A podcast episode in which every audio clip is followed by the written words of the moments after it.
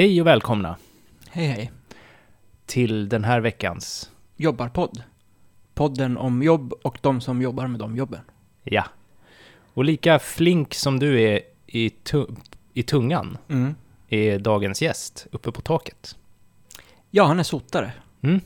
Då står man runt på stegar och... Och har tunga föremål med sig som man eh, hissar ner i skorstenen. Precis. Att, Tidigare hade man eh, små, små barn som man skickade ner, men det verkar de ju ha. det har de gått ifrån. Ja, Mm. Det kanske var Gunnar Sträng som tog bort det. Han var, var ja, han sotarpojk? nej, han var ju statarpojk. Jaha. Men vem Men- tog bort statarna då? Det här Det var ju Gunnar. veta. Det var han också? Ja, så Ja, jag ja. tänkte han kanske tog det i ett ryck där. Passa på. Det vet vi inte. Nej. Eh, För att det här är inte sossepodden. Eh, nej, det är ju inte det. Eh, det här handlar ju om jobb och vi har som sagt intervjuat en, en sotare om hur det är att jobba som sotare.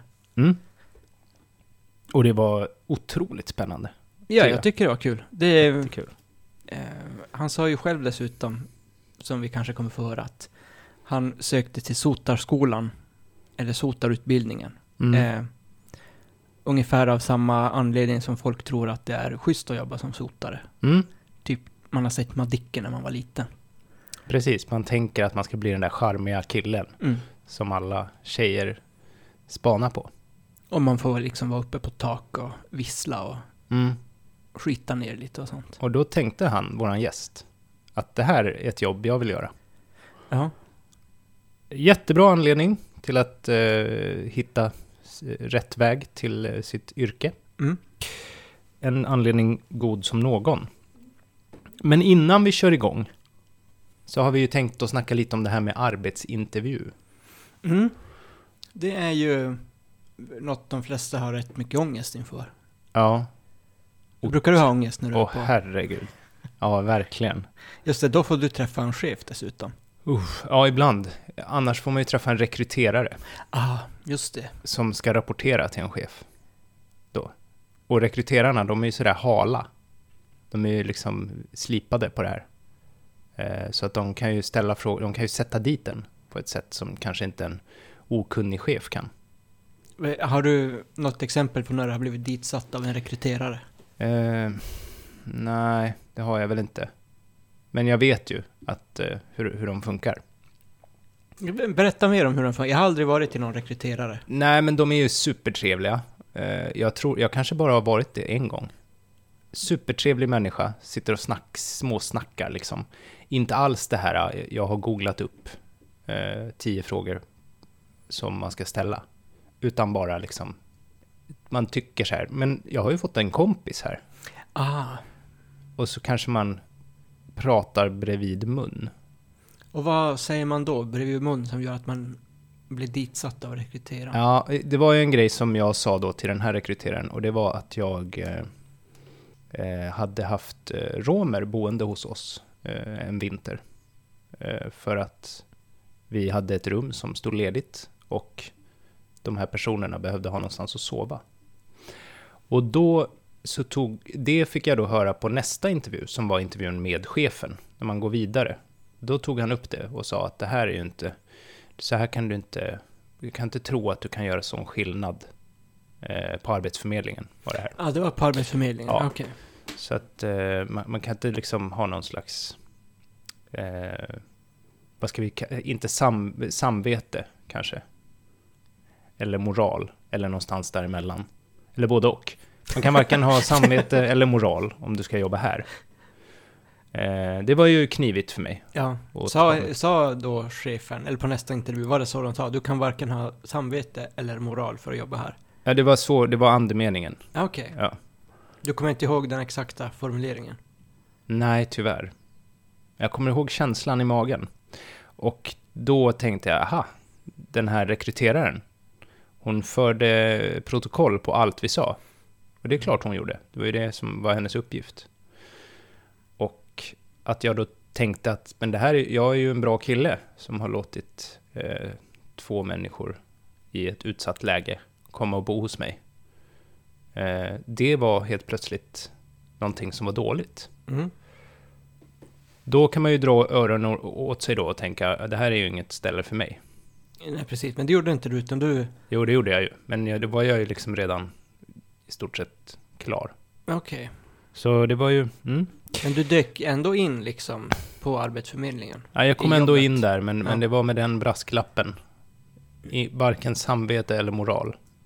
Och på den vägen är det kan man säga, för du är inte kvar där. Jag är inte kvar där, jag fick inte vara kvar där så länge, för jag hade både samvete och moral. Hur småborgerligt det än må låta. Ja. Ja. Nej, jag har... Eh, något som jag kommer att tänka på med så här intervjuer eh, som jag har varit med om, som kändes väldigt konstigt, det var det jobbet jag har nu. Där behövde jag i och för sig inte, för att få den fasta anställningen behövde jag inte gå på en regelrätt intervju. För att jag hade jobbat där i fyra år redan, som vikarie. Mm. Så de visste vem jag var. Men när jag skulle börja vikariera, Mm. då, det första jag fick göra då, det var att sätta mig framför en dator och göra något slags personlighetstest. Mm. Väldigt märkligt. Mm. Det har jag också fått göra. Dels var det ju såna här eh, IQ-testfrågor Ja, med såna här mönster och sånt, just det. som jag är dålig på. Mm. Och sen skulle man sätta ihop olika ordspråk eller ordstäv, sånt där. Typ räven raskar över och så var det olika alternativ. Isen, filmjölken, motorvägen, typ sådana. Aha. Ehm, Ja, och sen knepigt. fick man skatta så här på olika skalor så här om man... Ja men i princip, om man verkade vara en vettig människa överhuvudtaget. Man fick själv skatta. Ja, så här. Jag är benägen att hjälpa kollegor. Jag... Eh, men i princip sådana frågor. Det är lite så att man kan lista ut vad de vill ha för svar. Precis. Mm. Eh, sen sa då som, hon som var rekryterare, som nu faktiskt är min chef. Och hon sa att ja, du är ju kanske inte något chefsämne. Nej, sa jag, det, det vet jag ju. För att jag hade väl för dåligt på de här IQ-grejerna. Och antagligen var jag lite för hjälpsam kanske. Mm. Mm. Det tror jag snarare än. IQ-grejerna. Nej, men du skulle se mina sådana resultat.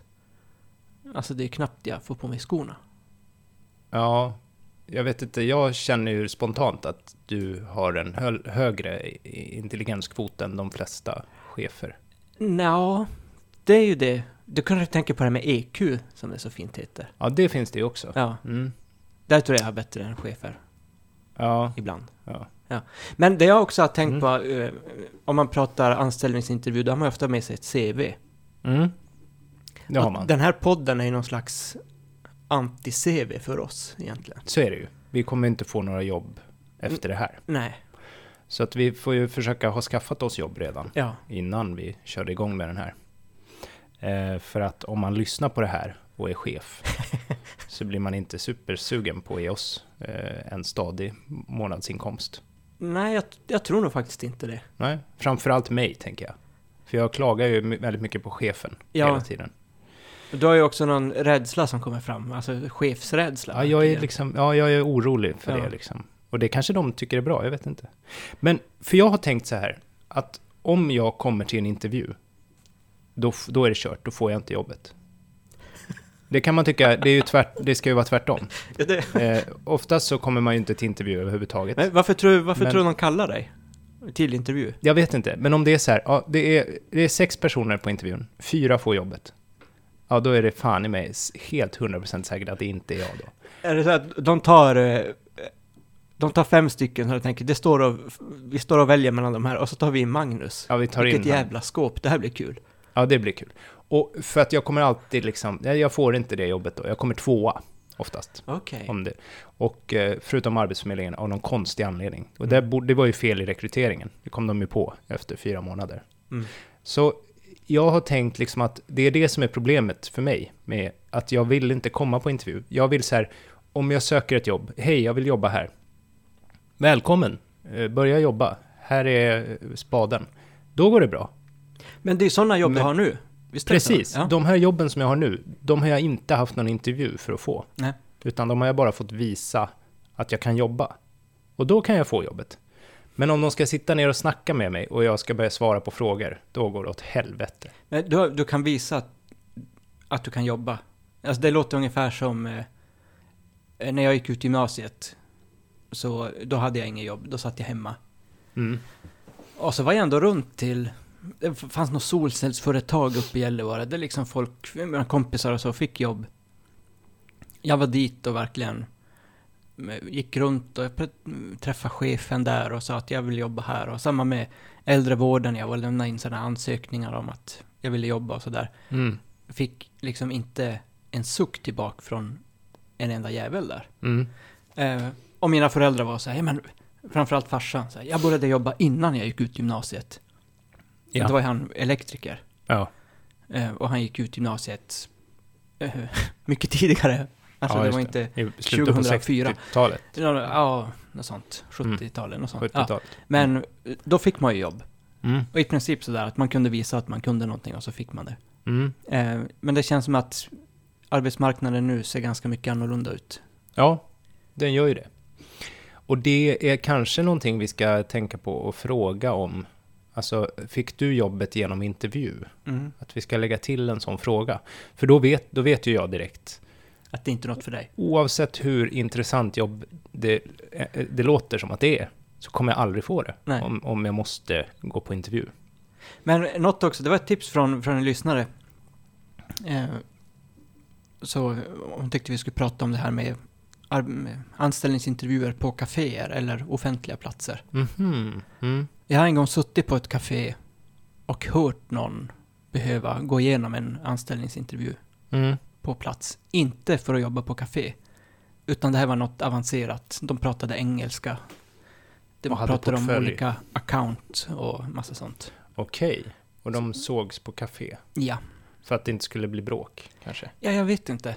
Det, att- det lät väldigt trevligt och sådär, men det, jag, det var väl också kanske en rekryterare då, jag vet inte, men jag fick bara en sån här obehagskänsla att man ska sitta och... Mm. Ja. På Arbetsförmedlingen är det ju så att man sitter, alltså den arbetsförmedlaren sitter närmast dörren. Och sen sitter den som söker jobb längst in bakom bordet. Ja, Så, att man, kan- lätt ska kunna backa ut om personen i fråga blir våldsam. Mm. Eh, och när jag var på intervju då på Arbetsförmedlingen, då satt vi likadant. De kanske kände det på sig. Ja. Ja. Ja, nej, så att det är inget för mig, arbetsintervju. Nej. Usch, då, då är det kört. Då är det inte 55, då är det 99-1 står det då. I de siffrorna. Ja. Så att det är ju mest jobb utan det som jag vill ha. Så har ni tips på jobb utan arbetsintervju? Där man i princip bara kan Gå rätt in. lyfta en säck som är tung. Lyft den här, Mm. så får man prova. Ja, det går bra. Då, då kan ni höra av er på jobbarpodden snabelaggmail.com eller på Facebook. Hashtag vi har hittat jobb till Magnus. Ja. Bra. Då så, men nu ska vi väl lyssna på vad sotaren har att säga. Vi gör det. Ja. Ja, då är ju första frågan om han fryser mycket på jobbet. Ja, ja det, det är både och. Det är mer vanligt att jag svettas. För att man är ofta i, kanske på en vind eller uppe i ett tak och så här och där, där är varmt och svettigt. Men eh, sen på vintern så är man ju uppe på taket, då är det kallt ju. Ehm, men det är nog mer det att man, man växlar mycket i temperatur. Att man är först uppe i snön liksom på taket med jacka och sen ska man in vid en eldstad i, hemma hos någon som har väldigt hög värme och sånt. Så, så det blir svettigt, så det blir väldigt mycket så här fram och tillbaka. Kan man säga. Mest svett. Mm. Och det här blandningen, Mm. att man är i bastun och sen går man ut i snön lite. Det låter som att ha på sig typ regnkläder hela tiden, tänker jag. Som Vet en- att man, det är aldrig riktigt rätt. Antingen är det för varmt, eller så är det för kallt. Ja. ja, man får väl ta av sig jackan när man kommer in, tänker jag. Ja, men det är väl lätt, de kan väl kanske inte ta av sig den så lätt eftersom att det smutsar ner. De är Nej. so- sotiga. Just det. Så de har ingenstans att lägga den. Nej. Aha. Mm. Ja, okej. Nej, men det, så det är både varmt och kallt. Mm. Nästa Sen- fråga då. Det är det här med avföring. Just det. Nej, det är inget sånt. Förutom mina egna. Okej. För jag tänker så här, jag, jag var uppe på ett eh, tak i Rosengård i somras, Mm. när jag hade ett jobb där. Och då så var det så att eh, det luktade väldigt mycket avföring Ja, För jag tror att det var den här ventilationsskorstenen, eh, eller vad man ska kalla den, som, som kom upp där från toaletterna. ja, ja man Eh. brukar ha sån, eh, jag tror det heter en avluft, avloppsavluft. Det är väl för att släppa upp lite gaser och sånt. Så det, Mm. ibland är de precis bredvid skorstenen. Där Okej. man kommer upp kanske genom en lucka eller så här. Och då är, det, då är det jobbigt. Men ofta är de några meter ifrån om man har tur. Men ni behöver inte rengöra dem också? Nej, nej, tur. Ja. Det är det att man ibland kan stå bredvid en sån avlopps... avluftare, heter det så? ja, något sånt. Ja. Och det är inte så härligt. Men det är ändå inte att hantera avföring. Nej, precis. Och då står han ju då uppe på taket. Mm. Där det är annan, friskare luft. Så han kanske kan vända bort ansiktet sådär. Ja, så var det inte i just det fallet jag var med om. Då var det så att det luktade, ja då fick man gå iväg. Okej. Det var ett platt tak, Mm. man kunde gå på det. Hur nära skorstenen var du? Jag var väldigt nära skorstenen. var, ja. Mm. Så, ja. Men å andra sidan, skorstenen var ju ett par meter högre upp liksom. Ah, ja. Så att jag tror att man behövde gå för en, ännu en stege för att komma dit. Och då Okej. kanske man hade sluppit den lukten. Mm. Vad tycker du? Är det, eh, kan vi bocka av den här frågan? Är han... Ja, alltså det blir ju ändå lite så avföringsnära kan man säga att det är. Ja, men det tycker jag nog. Ja, med lite god vilja. Mm. Ja, då så undrar vi vilka stressiga situationer som kan uppstå på jobbet. Ja. Mm, det är väl om man har för många ställen att besöka på, på en dag. Och då måste man ju fortfarande ta det lugnt på stegen upp på taket och köra försiktigt i bilen. Så då kan man vara stressad. Men det är om man har, det är om man har för mycket att göra helt enkelt. Och det har man ganska ofta. Det kan man ju tänka. Man kan inte stressa uppe på taket. Nej, då kan det gå rejält åt helvete. Ja, Det är ju lite frustrerande, tänker jag, att man har ett jobb där man ändå håller på och ja, men, vinglar runt på tak, ska upp på stegar, allt sånt där. mm. Det, det är verkligen inte gjort för att... Man kan inte göra det så mycket snabbare än, än man kan. Nej, man blir säkert snabbare med, med åren. Jo, men just det att om det är alldeles för stressigt så är det inte så att man bara hoppar. Skynda på liksom. Nej, Nej, det går inte att springa snabbare riktigt nej, i korridoren. precis. Nej. Mm. Hur är det med uniform då? Måste han ha en sån? Eh, nej, men arbetskläder och svarta måste de vara. Sen eh, kan man eh, eh, pynta sig lite extra, för det finns lite olika så här sotar grejer man får lov att ha på sig. Ehm, och det är, liksom, det är lite valfritt. Man kan ha en kurpis som är en, som en basker. Man kan ha en sån här cylinderhatt till exempel. Sån hi-hat. Um, man får ha ett bälte med guldspänne, mm, guldknappar på skjortan. Det finns många sådana saker som är de här traditions uh. Det, det får man ha lite allt efter hur man, hur man vill och känner. Det är nog olika på olika eh, uh, sotarföretag. Okej, så det är inte så att ni har liksom en katalog med den här cylinderhatten? Man kan beställa en sån och Jo. sen lite guldknappar? Ja. Jo, det finns ett eh, danskt företag som, som mitt företag beställer av. Som gör just sotar, eh, kläder och attiraljer. Så det finns. Och guldknapparna får vem som helst som är sotare ha. Man ska inte vara liksom mästersotare eller något sånt. Ehm, nej, det finns olika knappar tror jag. För, eh, men nej, man får ha vanliga guldknappar och så. Det finns säkert något reglemente för det här liksom, men jag vet inte riktigt. Och alltså det här med cylinderhatt måste jag ju Ja. fråga om. Är det, har du arbetat med någon som, har, som jobbar med det? Eller? Ehm, jag vet en som har det ibland, men jag tror inte han har det till vardags. Det är rätt otympligt för att om det blåser och sådär och så åker den av om man står uppe på tak. Så det är lite sådär. Sen kan man kanske ta av sig hatten innan man går upp på stegen. Det är också ett sätt. Men eh, den här andra baskern, kurpis som det heter, den har jag jobbat med lite grann. Mm. Eh, men den blir väldigt varm på sommaren. Så då får man strunta i den. Annars svettas man. Mm. köper ni kläderna själva eller får ni dem tilldelade av eh, ert företag? Liksom? Ja, det är genom företaget, ja. Mm. Så, och det är väl lite upp till chefen. Så här, man frågar, jag vill ha en kurpis. Så, så ja eller nej. Men eh, min chef till exempel, han är noga med liksom att eh, han, vill, han vill bevara så mycket som möjligt. Han tycker om när det är någon ung anställd som vill ha på sig de här gamla grejerna. Traditionsgrejerna. Men eh, tillbaka till den här cylinderhatten. Finns det något praktiskt med att ha den? Eller är det bara liksom en hatt verkligen? Alltså e- egentligen, historiskt tror jag det är så att det var själva skorstensfejarmästaren, han som var, ja, bossen, då, som hade den. Och han var nog inte mycket nere i skorstenarna, utan skickade väl ner de yngre anställda.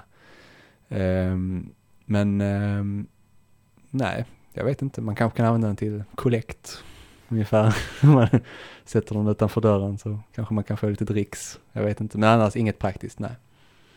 Däremot den här eh, kurpisen, den kommer, som jag har fått förklarat för mig, från eh, när man hade små sotarpojkar som gick ner i skorstenen. Så hade man en huva som man drog ner över ansiktet. Det var en svart huva. För att man inte skulle andas in sot och sådär. Eh, och man såg ju ändå ingenting där nere så man kunde lika bra ha den. Och sen då när man kavlar man upp den liksom. Som man kavlar upp en rånarluva på huvudet. Och därifrån kommer den här kurpisen som jag har fått det förklarat för mig. Så det är många myter och historier inom sotarväsendet. Vad säger Olle? Alltså jag tänker bara på eh, så här Dickens romaner och sånt. Var det bättre förr? Absolut inte. Nej, Fy fan vad folk har haft det dåligt. det är bara att Och dra, på många ställen har man det precis så här jävla dåligt. Fy fan. dra mössan över, över huvudet och sen ner i skorstenen bara. Pojkvasker. Och liksom meja runt. Ja. Nej, för helvete. Ja, men det här med höga hatten är ju roligt. Ja, alltså att man idag, 2016, kan ha det som en del av en, sin, sin uniform. Eh, När man är uppe och vinglar på taket. när man är sotare. Mm. Alltså, det är ändå, jag tycker det är lite fint att det finns kvar så. Mm. Men eh, som sagt, ingen praktisk betydelse. Så. Nej, och jag har inte stött på någon eh, sotare som har varit hemma hos mig som har haft cylinderhatt på sig. Ja, de jag har träffat på har haft de där, vad heter det, kurpis? Mm, Sotarmössor. just det, det är det vanliga. Mm. Ja, och sen var det en del eh, andra, andra kläder också då som man behöver. Men det var just huvudbonaden som var lite speciell i just det här jobbet. Ja, men jag tycker också det är kul med de här guldknapparna. För där Ja. tänkte jag att det skulle vara alltså en rangordning verkligen. Att man kommer upp, Att man får en om året eller något. ja istället för så här guldklocka på kommunen så Mm. efter 25 år eh, i sotarbranschen så får man guldknappar. Men det Ja. verkar inte riktigt vara så. Nej. Ja. Men kul att man kan pynta sig. ja, jättekul.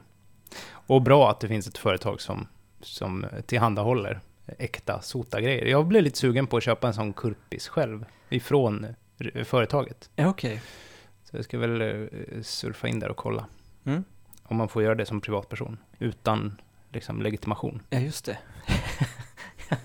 Annars kan det ju bli så att man ser ut som en sotare, men inte är det. Mm.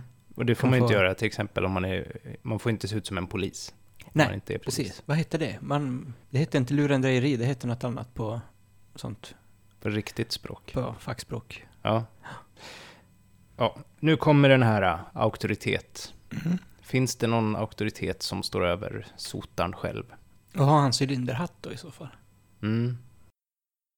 Ja, eh, utöver min chef så är det ju eh, ett sånt här ett riksförbund för eh, skorstensfejare och sen är det ju, sen är det ju lag egentligen. Just det här med lagen om sotning och allt det där som styr.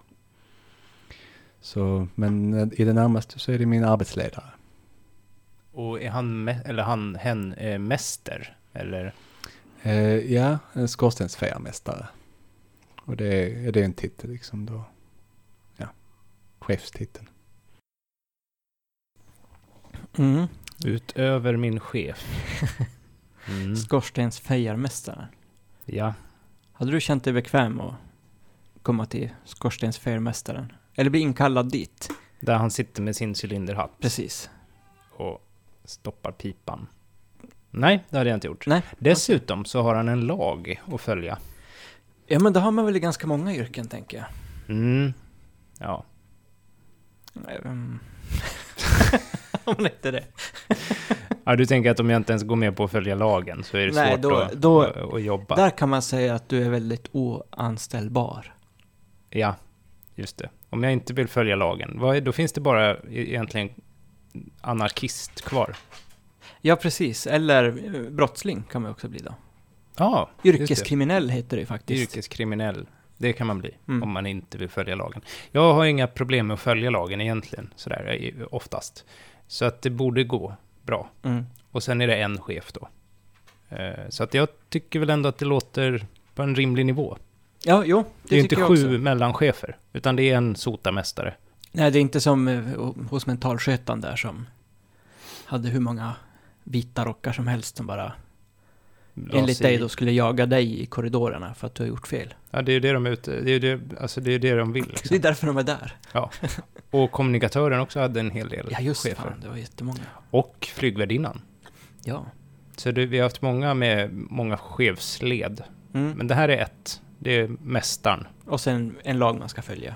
Mm. Så ja, det är ju godkänt. Ja. Eh, vad, vilken har vi nu då? Nu har vi fysisk arbetsplats. Just det. Har han en fysisk arbetsplats och får han lämna den när han vill?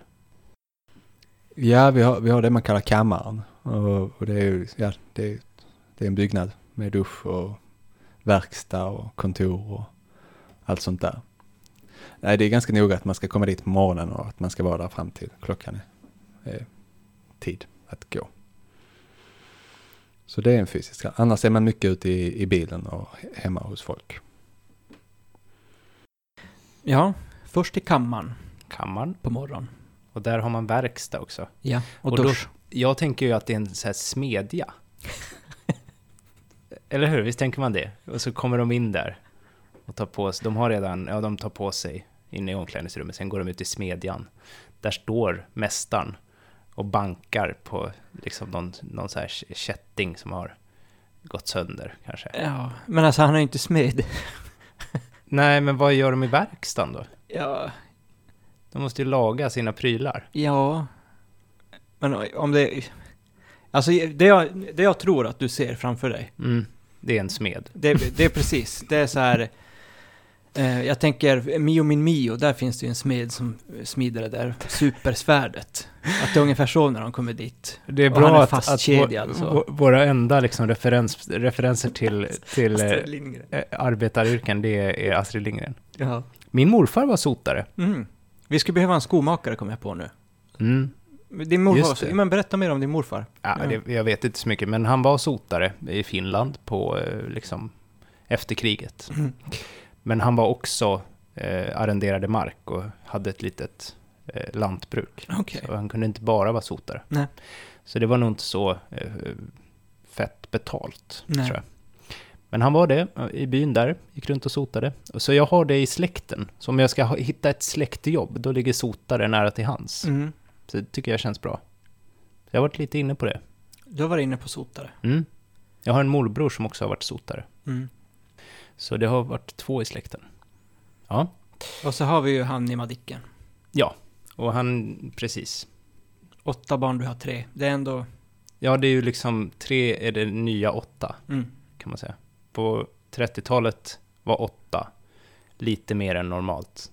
Mm. Idag är tre, Lite mer än normalt. fast det är det ju inte. Ja, Ja, men två barn har ju folk. jag vet inte. Ja, ja, i alla fall. Eh, nej, det är många som har tre. Men det ska vi inte spekulera i. Eh, han är ju charmig, Madicken-sotaren. Ja. Honom vill man ju vara som. Mm, ja. Nej, alltså det... Jag har aldrig tittat på Madicken och känt att jag vill vara som han faktiskt. Men är det inte han, han är väl liksom den man ska vilja vara som av de vuxna männen? Är det så? Eller ska man, vill man vara som Allan Edwall?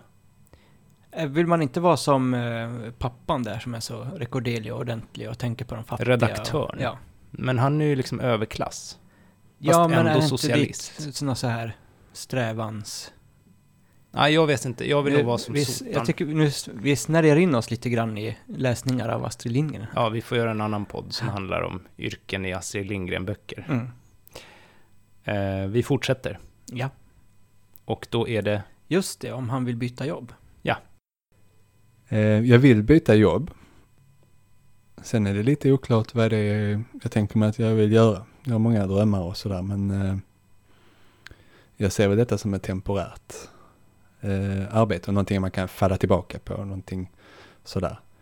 Eh, sen vet man inte hur det blir. Man kanske fastnar och stannar kvar och arbetar men, men eh, jag vill gärna ha ett jobb där jag kan vara kanske mm, där jag kan styra mer av mina arbetstider och där jag kan eh, ja, känna lite mer frihet i jag gör något kreativt gärna. Jag har varit lite inne på någonting med programmering och sådär. Något i den stilen. Där man kanske får använda hjärnan lite mer i vardagen. Han är på väg hela tiden, Ja. känns som. Som vi många. Det är Mm. vi många som är det i vår generation. Mm. Kanske att det är så att, och, och det här med att han vill ha någonting att falla tillbaka på. Just det. Han vill ha en profession så han kan liksom ut och sväva lite, testa grejer. Testa sen- programmera lite. Och sen om det skiter sig, då kan man falla tillbaka på sotare. Mm. Det tycker jag är en bra grund Det är en bra plan, Ja. faktiskt. Att ha ett yrke. i bakfickan. Ja. Mm. Och sen det med, med en så kort utbildning för det. Alltså 20 Ja. veckor. Jag menar, det, för de flesta går det ju. Mm. Och nu har han ju lite erfarenhet också, så Mm. nu kan han ju... Så det är nog lugnt. Sen är det den här frågan om han har ansvar för någon annans välbefinnande. Ja, hur är det med det? Um, ja, det, det, är ju ett- det är ju ett ansvar att sota, det, det är det ju. Om man fuskar, uh, ja, då, då är det ju eh, brandrisk, så att säga, som är kopplat till det med soten. Så det är därför man gör det ju, för brand, brandsäkerhet. Så på det sättet är man ansvarig för dem man är hemma hos, deras um, välbefinnande. Men uh, också ja, att man inte kanske skitar ner. Det är många som har synpunkter på det. Och det är ju kopplat till välbefinnande. Ehm, men i övrigt, eh, nej, inte så mycket. Jag tror jag har ett ganska trevligt bemötande också hos kunderna. Tror jag. jag tror jag är en trevlig person. Mm. Mm. Det, jag tycker det är ansvar för andras välbefinnande det där. Och han tar det på ett bra sätt. Mm. Och jag tror också att han har ett trevligt bemötande. Ja, det var ju första gången jag träffade honom, men han verkar ju trevlig sotare. Just det, du var lite imponerad att han var så... Han var inte sådär som din nidbild. Nej, precis. Min nidbild är ju att det är... Det är liksom, så- jag känner mig oerhört eh, liten och Mm. barnslig när det kommer någon slags hantverkare hem till en. Just det. För jag kan inte ett jävla dugg. Och så är det som liksom fritt framför dem att skita ner och bara lämna kvar grejer och Mm. får jag själv liksom tacka och bocka och så går de. Så. Men han verkar inte vara sån. Nej, han är inte sån som blåser ut snoret på diskbänken och det är helt svart. Nej. Utan han är försiktig och, och det vet vi inte om det är någon som gör det. Nej. Vi ska inte snacka skit om skrået heller. Ja, Vi frågade lite mer om det här med att skita ner när man faktiskt har ett yrke där man i jobbet hela tiden går runt och faktiskt är smutsig. Mm. Lite det som, precis, hur, hur beter man sig? Och hur beter sig människorna? Kun, kunderna, Mm. heter det det? Ja. Ja, det tror jag. De Ja, kallar det- dem kunder. Kallas kunder. Alla är vi kunder. Ja, jo, ehm, jo men eh, så är det väl, det är både och. Man, man, kan, ju, man kan ju vifta på armarna och, och stöka ner och hoppa med skorna på inomhus och sådär. Så man, man vet ju det att man är, man är ju väldigt skitig. Soten sitter i kläderna, liksom. det syns kanske inte så alltid men det, det dammar ju ner och det, det och och just när man eh, skickar ner linan genom skorstenen och så. Då är det ibland viktigt att man täcker för själva eldstaden så med, med, med duk. Men även den duken är ju skitig. Så allting är skit, allting man rör blir ju svart. Till exempel, eh, ja, så här man, man kopplar in en dammsugare så, så är det fingeravtryck på, på el, eluttaget där. Och sådär liksom. Så att det, det blir alltid skitigt. Men man försöker ju inte skita ner för mycket. Sen är det väldigt olika från kunder till kunder också. Det är vissa som förväntar sig att det ska vara renare när man har gått än vad det var innan man kom. Mm. Och sen är det tvärtom de som, som vet att det skitar ner, som har förståelse för det. Så man kan säga att du är överklass då? Ja, ja. För att du tycker det är jobbigt och förväntar dig att de... ja, just det, att de ska städa efter sig. Eller det var inte riktigt det du sa kanske? Eh, Nej, jag blir ju... Det är mer att du känner dig underlägsen. Precis. Men du säger inte åt dem att städa upp efter sig. Nej. Hade de bajsat över alltihop, då hade jag ju kunnat städa efter dem utan att känna liksom någon Ja, då är det som att du är skam. på jobbet. Jo, precis. Ja. Men, så det är okej om de smutsar ner lite hos dig för att de ändå är där för att sota? Ja, jag tänker ju mer att det är så här, ja men jag får ju skylla mig själv då. För Mm. att Mm. jag bor där man har kakelugn. Nu gör jag inte det nu, så. Men Nej, vi hade någon så här vedspis i där jag, mitt föräldrahem, som det heter. mm. Och där gick jag ju runt och skyllde mig själv varje gång sotan var där. Mm, just det. Ja. Och det gör ju vi på landet också då, Mm. när vi har sån. Men okej, så annars är det mest, det är mest överklassen som tycker att usch då, våran vita fina soffa. Ja, det, precis. Det verkar vara lite så. Den gör ju sig säkert jävligt fint bredvid en vit kakelugn. Precis, så att de har ställt den liksom Jävligt nära. supernära. Mm. Ja. Och så kommer det lite sot där då. Men det är dessutom brandfarligt, så det borde de ju sluta med. De borde bara flytta bak den, tycker jag. Ja, Mm. precis. Ja. Ja, ja. Nej, Vi vet inte hur de tänker. Ja, de lyssnar får de tips Men- till nästa gång sotan kommer. Ja. Och, eh, men sen då, med tanke på det här, Mm. så funderar vi lite på, eller vi pratade lite om det här med staden. Att det kanske är eh, bara där det är fin, fina kvarter som de har kakelugnar som är igång, som man behöver sota. Eh, och kanske de fina, dyra villorna nere vid havet. Sådär. Att, så man kanske mest hänger där i överklassområdena. Hur är det med det? Ja, det är både och för att eh, i villor har, det är många som har pannor fortfarande, till exempel med pellets och olika andra, man eldar på det viset. Då behöver det sotas, um, om man har braskaminer i, villor och så här. Men sen kakelugnar och så, visst det finns absolut i villor finare, äldre och så här. Men um, det finns även många kvarter i stan där man har kakelugnar i lägenheter. Och de som används, eller inte, men där behöver man sota till exempel. Så det är många lägenheter och så. Det är ofta så här lite äldre, stora, högt i tak och sådär. Men um, i övrigt så, vanliga lägenheter har, gör man, man gör ventilationsarbeten istället. Liksom man rensar kanalerna från damm och fukt, alltså ja, damm kan man säga.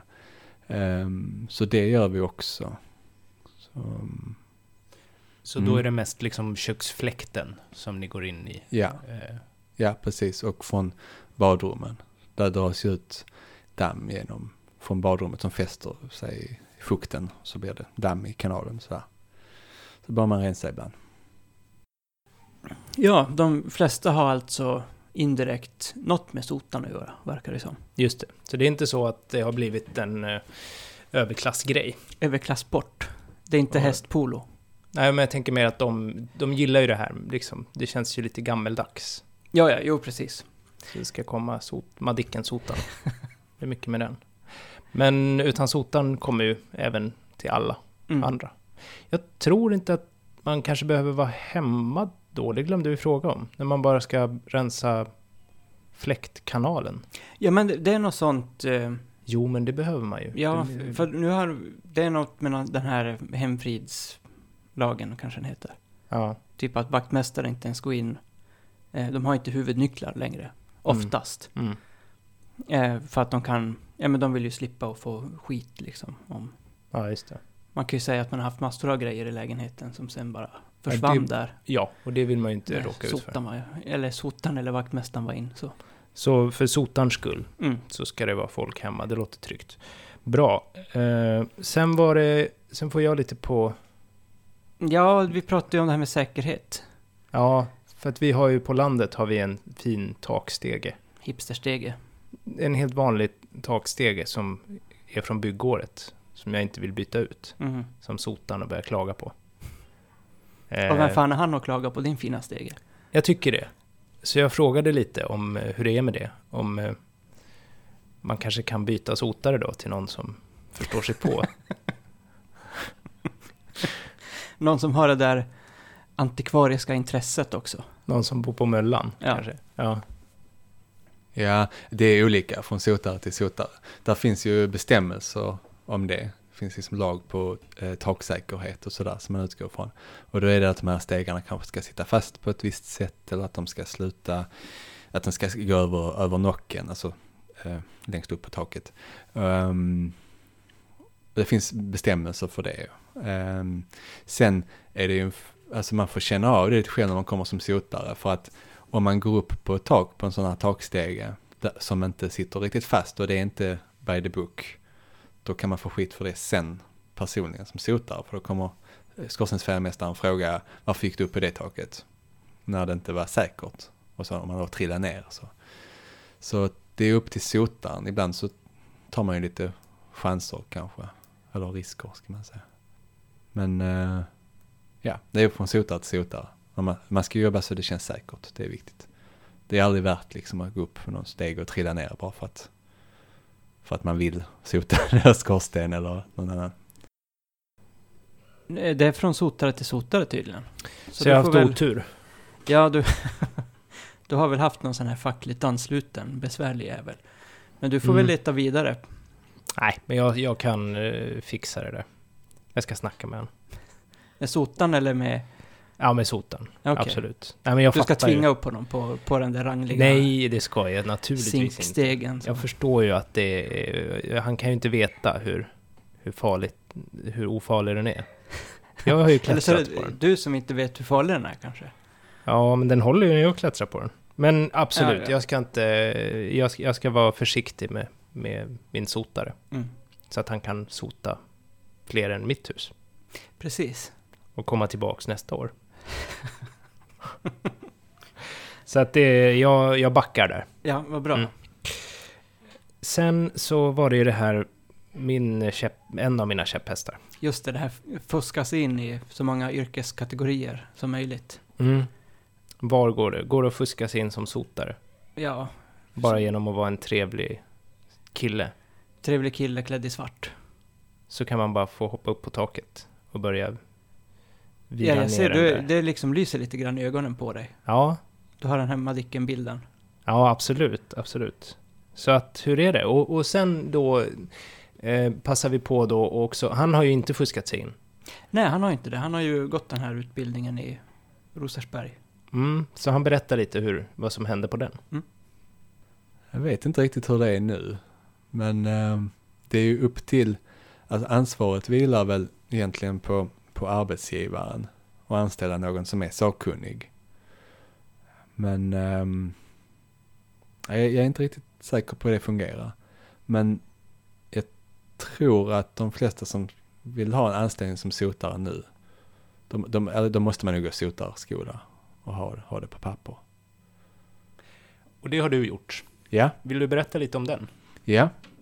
Eh, det är en 20 veckors utbildning, så en termin på helfart då. Och ehm, som det var, jag vet inte om det har förändrats, men ehm, det ena terminen på året så är det på skolan som är Rosersberg i Stockholm, väst, eller väster om Stockholm kan man säga. Och, och andra terminen är det på distans. Och så har man några fysiska träffar tror jag. Sådär. Um, så då kan man välja vilket man vill. Så jag läste i Rosersberg. Och så är det de här 20 veckor varav 7 veckor är praktik på ett företag. Och 13 veckor i skolan. Så Lite, det är mycket teoretiskt, lite, lite väl mycket skulle jag tycka. Ganska ingående på lagar och, och, och ja, liknande. Eh, lite överkurs skulle jag tycka att den utbildningen var. Um, för att sen när man kom på praktiken, det var då man lärde sig själva yrket. Men man har även haft nytta av, av mycket av den här teorin. Um, och det är också bra om man vill läsa vidare, kan man göra också. Kan man bli sotartekniker. Och då får man göra sådana här brandskyddskontroller. Mm. 20 veckor, varav sju praktik. Ja. Inte superlång utbildning. Nej, precis. Eh, Lite som flygvärdinnan. precis. Eh, känns överkomligt. Ja, men det gör det ju. För att få någon slags eller någon slags, få en yrkestitel. Mm. Så att det är, och då tyckte han ändå att det var lite onödigt långt. Mm. Att det var mycket praktik. Det kan ju vara sådär, Eller mycket teori menar jag. eh, han sa ju att han vill jobba med något annat. Mm. Och det är väl det att den där teorin kanske är något man inte använder sig av sådär dagligen dags. Nej, man lär sig massa lagar som man bara... Som man bara kan och så sen står man där och fejar i Mm. skorstenen. Mm.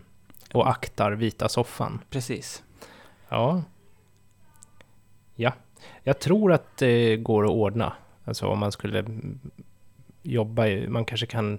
Det går inte att extra jobba om man... Ja men du kan ju ta den där på distans tänker jag, då kan du ju få in något extra jobb. Mm, För det är inte dygnet runt. mm. Är det 20 veckor dygnet runt, då är det en rejäl utbildning. Ja, just Men jag det. det är väl bara att den är tolkskolan eh, i militären som kör sånt. Och den är nog längre än 20 veckor. Ja, okej. Ja, nej men så, så det, det går att ordna. Mm. Det är bra. Mm, då har jag en livlina här. Men... Sen är det ju här med höjdrädsla. Ja, precis. Det är en av mina största rädslor. Ja, Jag kan knappt stå på en balkong nej. som är någon våning upp. På din titta balkong. ut. Nej, alltså det är så att jag Det är jobbigt. känner mig rätt obekväm. Jag har någon idé om att mina knän, att jag då när jag står så nära en kant inte kan styra över dem. Mm. Så att de kommer liksom sprätta till. Och, Och jag flyger. över räcket. Precis. Ett Aha. helt perfekt simhopp Mm. rakt ner med. Jag har aldrig hört talas om att det har hänt någon. Nej, men någon gång ska ju vara den första. Ja, det är klart. Ja, och det, så är det ju. Men så att du är höjdrädd. Jag är också, jag är flygrädd, Ja. har vi pratat om. Nej, men det är mycket högre höjd där också. Det är jättehögt. Ja. Eh, Jag är inte så, jag har börjat vänja mig vid eh, så här hustakhöjd. Mm. Man kan lära sig, tror jag. det. Men det, och det ska vi höra, hur, om man kan lära sig lite högre än bara ett en och en halv plans ville hustakshöjd. Mm. Är det sotarutbildningen eller ska jag lägga pengar på kanske lite KBT? Mm. Eh, ja, ehm, ja, man kan ju inte vara extremt höjdrädd. Så att man måste ju kunna gå upp på ett villatak till exempel och stå och lite balansera på nocken och samtidigt som man arbetar och, och sådär. Även i, i olika väder. Så det måste man klara. Sen i övrigt, för jag har själv varit höjdrädd liksom hela livet i princip. Så det var konstigt att jag blev sotare men jag jobbade till exempel som ställningsbyggare ett tag och det, det klarar jag inte av. För att det, det blir för högt. Efter, ja, jag mådde inte bra av det. Men sen så förstår jag inte riktigt varför jag inte tänkte på det. Men jag tänkte inte på det innan jag mm, sökte in till sotarskolan i alla fall. Utan det gick upp för mig från den första praktiken att jaha, just det, det är ju höjder. Um, ehm, men det har gått väldigt bra. Jag tror jag har blivit av med höjdrädslan mer eller mindre. Um, bara man är försiktig och förstår liksom sin kropp och sin balans och försiktig. Man vet att det finns lösa takpannor till exempel och att det är halt på morgonen i daggen och allt sånt där. Att man kollar så att stegen sitter fast innan man klättrar upp. Man är försiktig så försvinner mycket höjdrädsla tror jag. Sen om man då är inne på höghus inne i stan till exempel. Där kan det ju vara lite mer, det är lite, det är lite högre. Men ofta är man i mitten på taket vid skorstenen. Så du är inte nere vid kanten och tittar ner från femte våningen.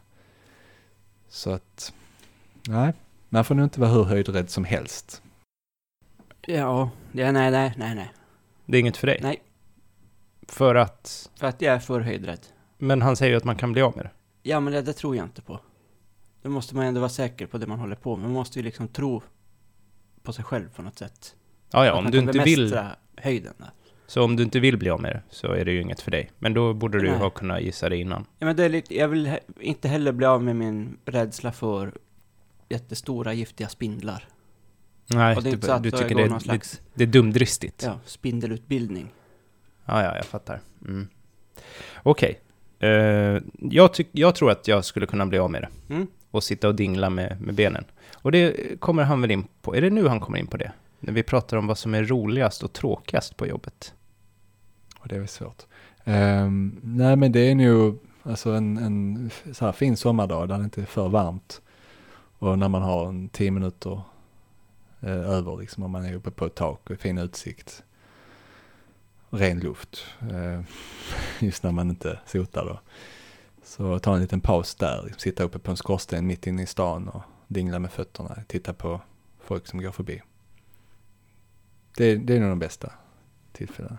Känner sig lite som att man eh, betraktar liksom samhället lite från ovan. Och det är ingen som ser en där uppe, det är ingen som tittar upp mot skorstenarna. Och vad skulle du säga är det sämsta med jobbet? Um, jag skulle tro att det, det är de stressiga dagarna man har för mycket att göra. Och sen just det hälsoaspekten med att man, även om man använder munskydd och sådär, så andas man in mycket partiklar och jag tänker mig att i längden så kan man få problem med det och så.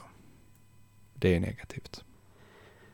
Ja, sitta där och dingla med benen och andas frisk luft. Härligt. Efter att ha fettat av och sotat ner och sotat ur. Gud vad härligt. Med en Ja. så här handrullad cigg. För att bara göra det ännu värre. Alltså Ja. rent hälsomässigt. Ja, just det. Så Mm. att kol, man får kol ännu snabbare. Ja. Ja. jag tycker det låter jättemysigt. Mm. Ja, jag tycker det låter jävligt läskigt. Ja, Och lite där när ingen ser en. Och sen när man väl bara trillar av. så om man liksom... Då Man, reagerar de. just det, man går ner på gatan och så helt plötsligt ligger en sotare där. en, I en pöl. Precis. Ja. Men, för jag tänkte på det sämsta. Mm. Att han tyckte det sämsta var eh, att man fick mycket partiklar i lungorna. Mm. Det är ju, förstår man ju, det är ju långsiktigt dåligt. Ja, det är långsiktigt jättedåligt. Det Ja. låter ju som att det är ett riktigt sånt cool yrke. Ja, men det som är sämst, tycker jag skulle vara jobbigt, det är det här isregnet. Mm. När det ligger istäcke på hela taket. Och på skorstenen. Och på stegen. Överallt. Så är det sån här 5 mm istäcke. Som ingen Ja. som inte bor i Skåne vet vad det är, tror jag. Jag visste inte vad det var innan jag kom hit. Jaha. För att det liksom Ja. bara är så här, vad är det här? Ja, det är bara is.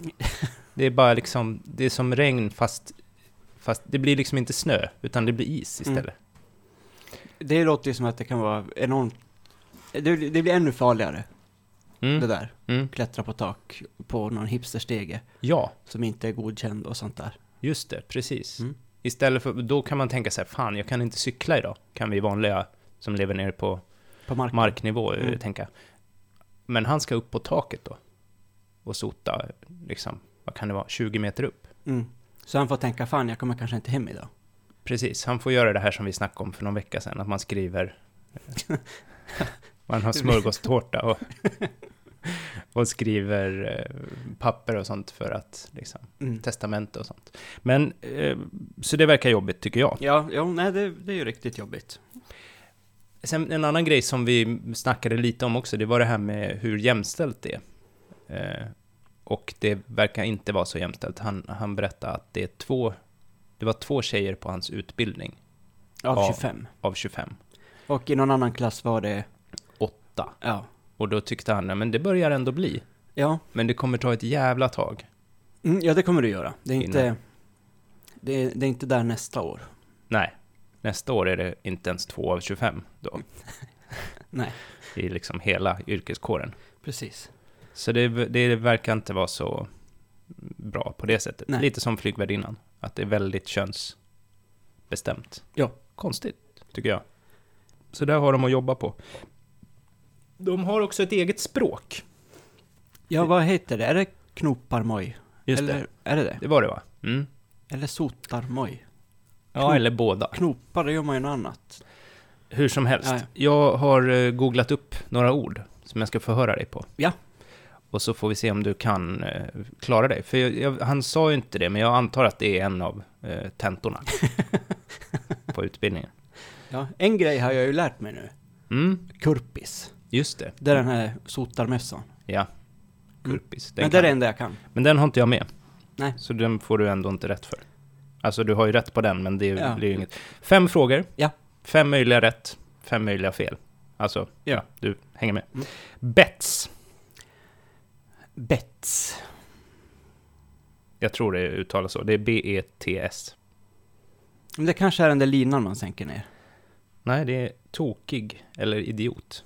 Bets, jaha. Mm. Någon som är tokig. Det, det handlar ju om kunder helt, hör man. Mm. Så det kan man veta då om någon sotare kommer hem till en och kallar en för bets. Ja. Eller säger till kollegan den där betsen, Mm. hur man nu böjer det. Eh, bubbor. Sura gamla rika tanter. Ja, nästan. Det, skor. ja, noll än så länge. Ja. Du har tre kvar. Eh, guy. Eh, Jag säger inte om det är verb eller adjektiv eller substantiv, Nej, utan nej, jag, jag- säger bara en ord. du säger bara ett ord. Det har, Ja, jag, Det är svårt. det har hängt med så länge. Ja. Guy. Ehm, Nej, kund. kund. Ja, det kan det vara. Det är kvinna. Mhm. Mm. Så. Och sen har vi då tjuring. Tjuring. Mm. Ja, nu får jag be dig om ett svar. En hund. En hund, det är en kniv. Och sista ordet, lank. Lank. Men det kanske är den här landgången de får äta när kollegor har dött. Nej, inte riktigt, men det är kaffe. Jaha. Så jag tycker att du får sammanlagt får du ett rätt, för du hade bra gissningar. Jaha. Mm. Ja, det var ju det var bättre än, Det gick bättre då än vad jag trodde det skulle gå. Grattis, bra. Tack. Eh, och sen så slu- avslutningsvis så skickar vi med ehm, att våran sotare som vi har intervjuat, han har en låt som han förknippar med sitt yrke. Vi får inte spela låtar här. Nej, då blir det ju Det blir massa jidder. Stim och allt sånt kommer, får vi på oss, kanske. Vi har inte ri- riktigt listat ut det, men vi tror det. Om det är någon som vet så kan de ju. Jag tror att vi har bett om det innan. Mm. Att om någon vet så får de skriva till Men oss. är det, är det någon som är längre gången i sin eh, juristutbildning? Än vad vi är. Som inte, Precis. som- bara, höra av sig och säga hur det är med det här. En- Upphovsrätten. Frida Hyvönen har gjort en låt som heter Dirty Dancing. Ja, jag tror jag har hört den någon gång. Men jag har inte tänkt på vad den handlar om. Nej, Men då tänker jag att det handlar om att dansa med samtidigt som man är fullständigt nersotad. dansa med en sotare kanske. Mm. Eh, Förmodligen. Den låten skickar vi med. Mm. Eh, Så får vi, alla får lyssna på den och känna hur det är att vara sotare. Och ehm, har ni några synpunkter, frågor, förslag på folk ni vill, folk eller yrken ni vill ha intervjuade här så är det bara att höra av sig på jobbarpodden gmail.com eller på Facebook, nästan smidigast. Mm. Eller så kan man hålla på och krångla och skriva på Instagram också. Mm. Det är vilket man tycker är krångligast, mm. så tar man det andra. Det andra alternativet. Just det. Mm. Tack för att ni lyssnar. Tack, tack.